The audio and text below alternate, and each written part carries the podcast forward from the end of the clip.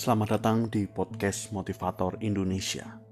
Tema kali ini adalah tentang percaya diri. Apa yang dimaksud dengan percaya diri? Dan apa yang menghalangi api semangat kita untuk keluar? Apa yang menghalangi percaya diri yang sejati untuk keluar? Jadi, para sahabat, yang menghalangi api percaya diri yang sejati untuk keluar adalah adanya kekotoran batin, mental block, adanya satu hambatan-hambatan di dalam batin kita. Jadi, hambatan itu bisa berupa banyak.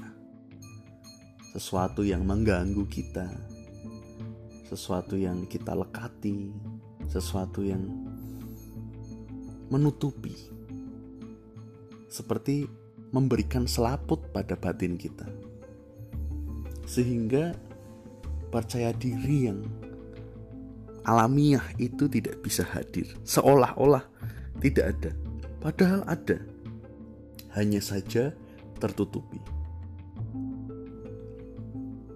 Dan sebenarnya apa sih percaya diri itu?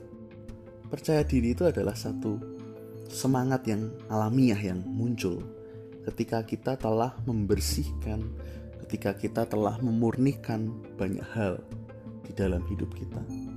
Percaya diri itu artinya kita merangkul, menjadi ibu bagi diri kita sendiri, memeluk diri kita sendiri, berdamai, dan sebenarnya arti percaya diri itu adalah sesuatu yang sangat sederhana, fundamental, yaitu adalah kita bersahabat dengan diri kita sendiri. Kita bersahabat dengan seluruh energi-energi yang berputar, pikiran dan perasaan yang ada di dalam batin kita. Kita tidak menjadi budak bagi pikiran dan perasaan kita hanyut ke sana dan kemari. Tapi kita juga tidak memusuhi mereka. Api motivasi yang sejati tidak datang dari memusuhi pikiran maupun perasaan. Tidak datang dari satu perlawanan hati. Tetapi api motivasi yang sejati adalah muncul secara alamiah Mengapa bisa begitu ya? Karena di podcast-podcast yang sebelumnya telah disampaikan bahwa kualitas alamiah yang ada di dalam hati kita adalah baik adanya. Nah, bagaimana untuk kita bisa melepaskan, memurnikan mental block mental block yang ada di dalam hati kita? Cara yang paling mudah sebenarnya adalah dengan menyadarinya. Nah, untuk orang pada umumnya menyadari langsung itu agak sulit. Jadi saya sarankan para sahabat juga bisa dalam menuliskan. Sering-sering merefleksikan dan mengkontemplasikan. Kita bisa ambil kertas, kemudian tuliskan apa prinsip-prinsip atau apa hal-hal apa yang kita rasakan yang sekiranya menghambat kita. Tapi itu juga termasuk kemarahan-kemarahan kita atau penolakan-penolakan kita bahwa kita saya tidak mau iri. Itu juga kita tulis karena setiap penolakan-penolakan juga adalah suatu hambatan-hambatan. Mungkin kita mengira bahwa dengan menolak iri, kita akan tidak iri. Tapi faktanya adalah sesuatu yang semakin kita tolak, semakin kita lawan, justru akan semakin besar. Jadi, kita perlu menyadari apa yang menghambat kita, apa yang mengganggu kita, apa yang menarik kita ke sana. Tapi juga kita sadari pula apa yang kita lawan, apa yang kita marah, apa yang kita tidak mau. Baik suka maupun tidak suka. Like and dislike. Semua kita sadari. Kita boleh tulis A, B, C, D kita boleh tulis like and dislike, suka dan tidak suka apa yang menghambat kita. Misalnya perasaan malas, ada satu energi yang takut, tapi ada satu kebencian terhadap takut, itu semua kita tulis. Kita tulis, kita tulis dan tulis. Semakin kita refleksikan itu, kita sadari dan kita boleh serahkan, kita berserah kepada Tuhan. Boleh juga kita bakar kertas tersebut sebagai simbol kita menyadari dan mempersembahkan kepada Tuhan. Boleh kita larung kertas tersebut di tempat-tempat yang sesuai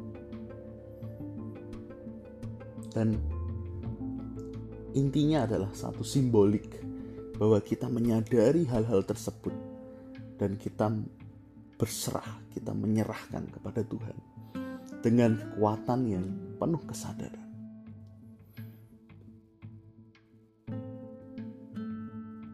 Artinya, kita menyadari itu, kita merefleksikan itu, dan berbagai percobaan di dunia Barat telah membuktikan bahwa apa pun yang kita sadari, termasuk segala perlawanan hati kita sadari, dia akan mengurai dengan sendirinya.